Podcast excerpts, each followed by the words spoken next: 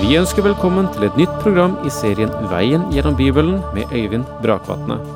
Denne studieserien er produsert av P7 Kristen Riksradio og bygger på serien Through the Bible av Vernon McGee.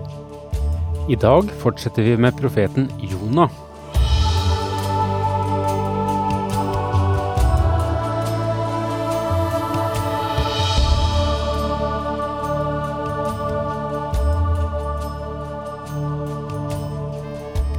Velkommen tilbake til sluttprogrammet i serien om Jonaboken.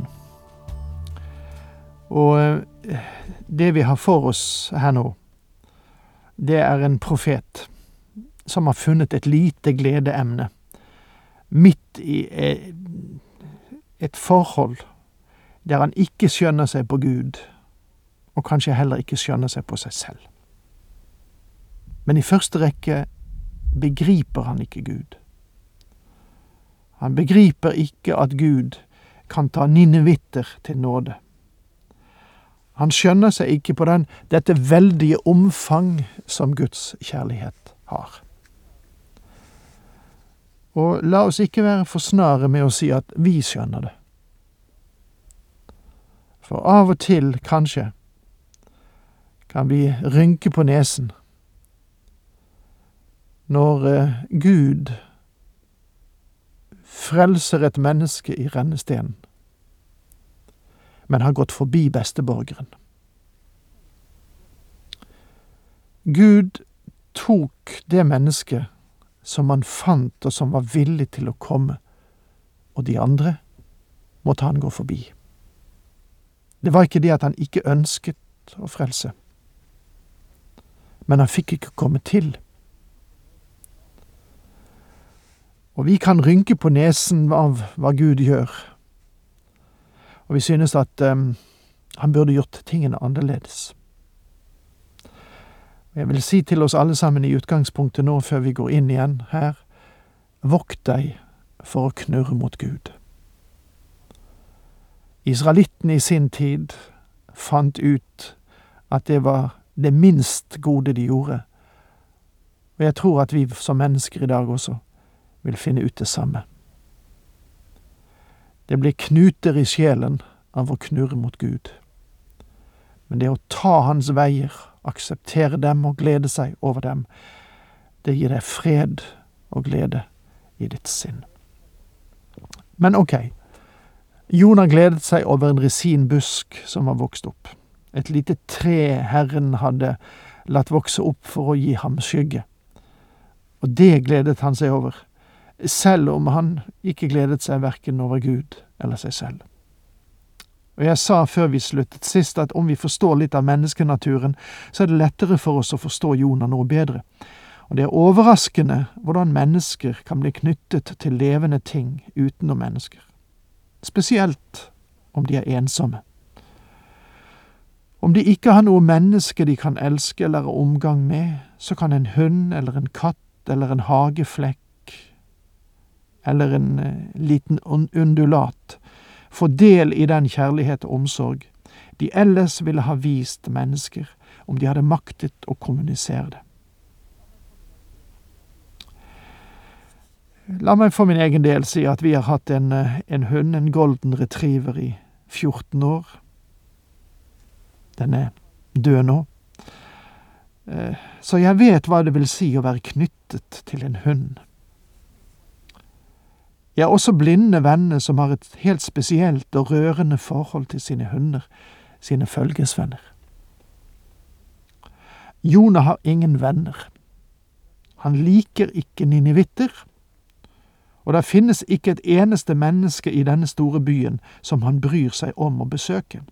Han er alene, og for øyeblikket har han ikke noe særlig fellesskap med Gud heller så Gud lar ham binde seg til en liten risinusbusk.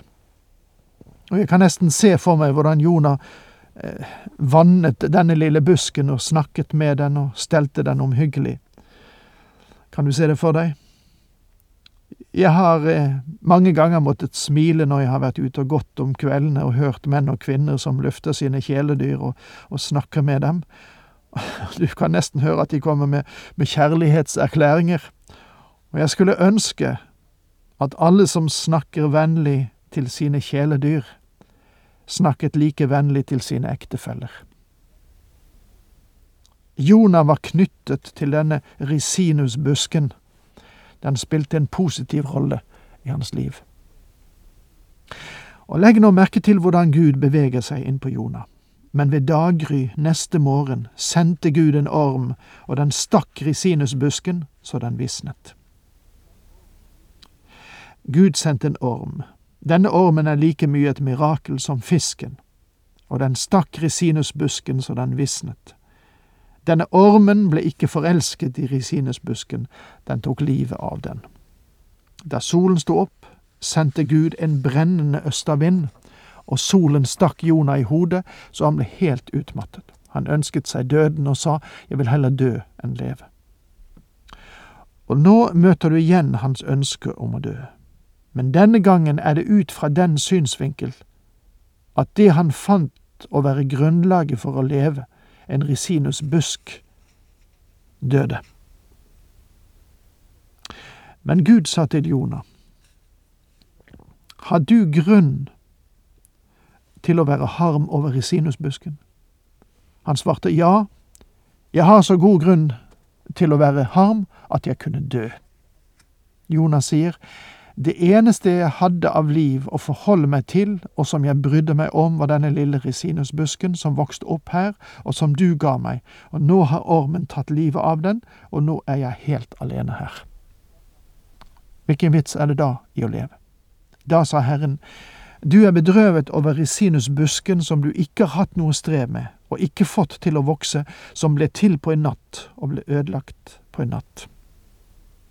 Gud sier til Jonah, Jonah, en resinusbusk er ikke noe å bry seg om. Mine venner, jeg nøler med å si dette, men jeg sier det likevel, at en kattunge er ingenting, og en liten hund er ingenting, men et menneske har en sjel som enten går til himmelen eller til helvete.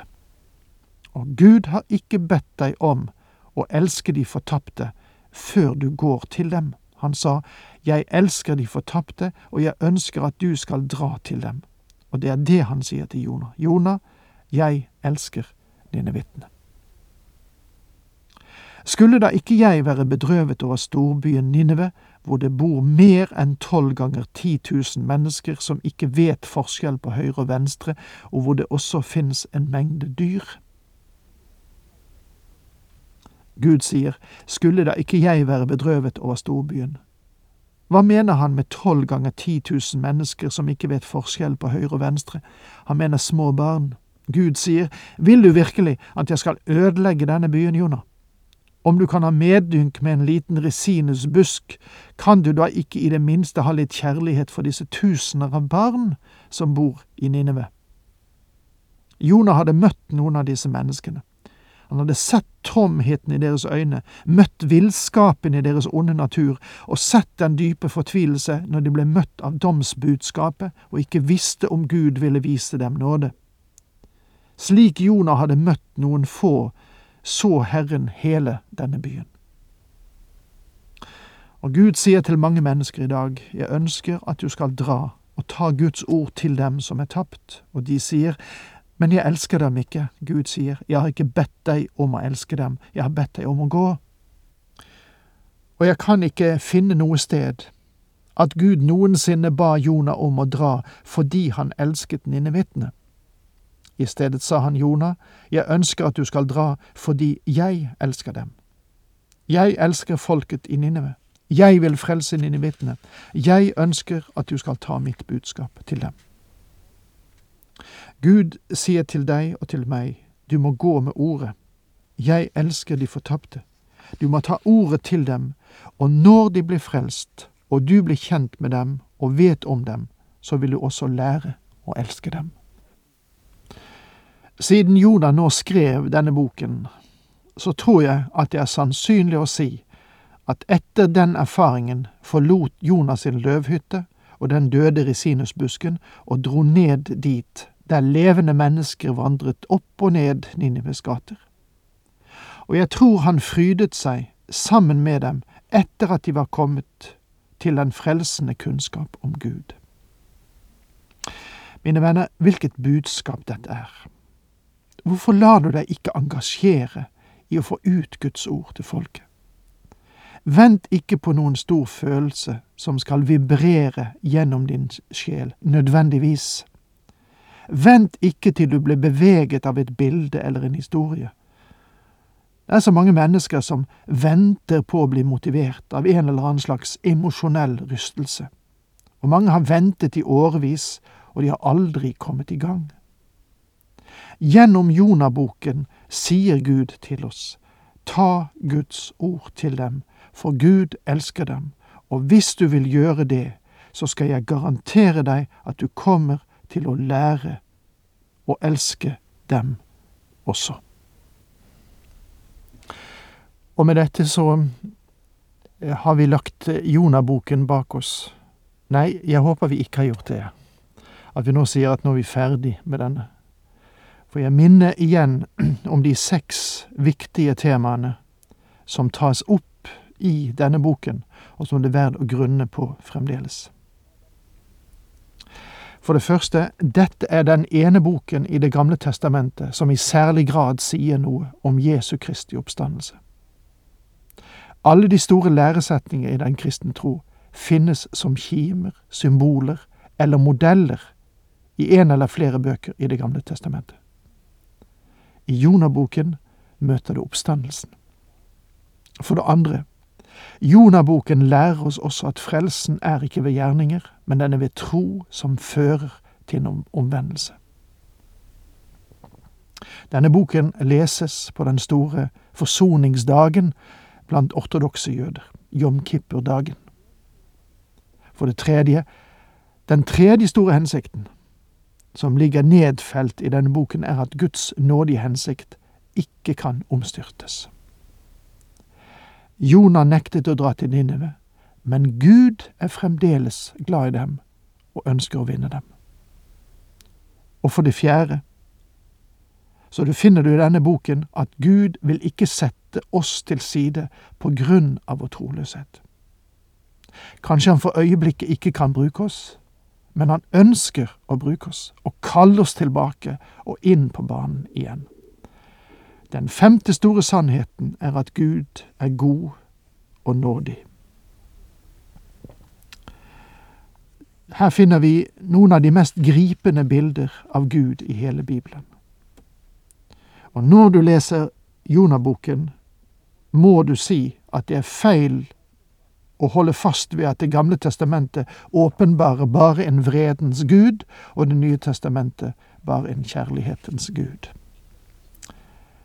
Og den sjette og siste store sannheten er at Jonaboken gir oss undervisning om at Gud er også hedningenes gud.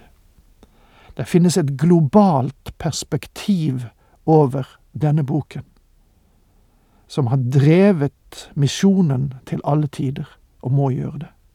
Som troende må vi løfte våre øyne og få hele verden inn i bildet. Og med det, mine venner, takk for nå. Herren med deg.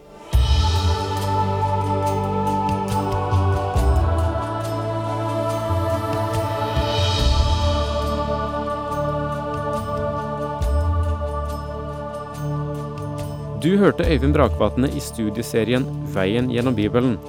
Serien bygger på et manus av Vern McGee. Har du spørsmål eller kommentarer til programmet, kan du sende en e-post til vgb krøllalfa p7.no. Takk for i dag, og på gjenhør.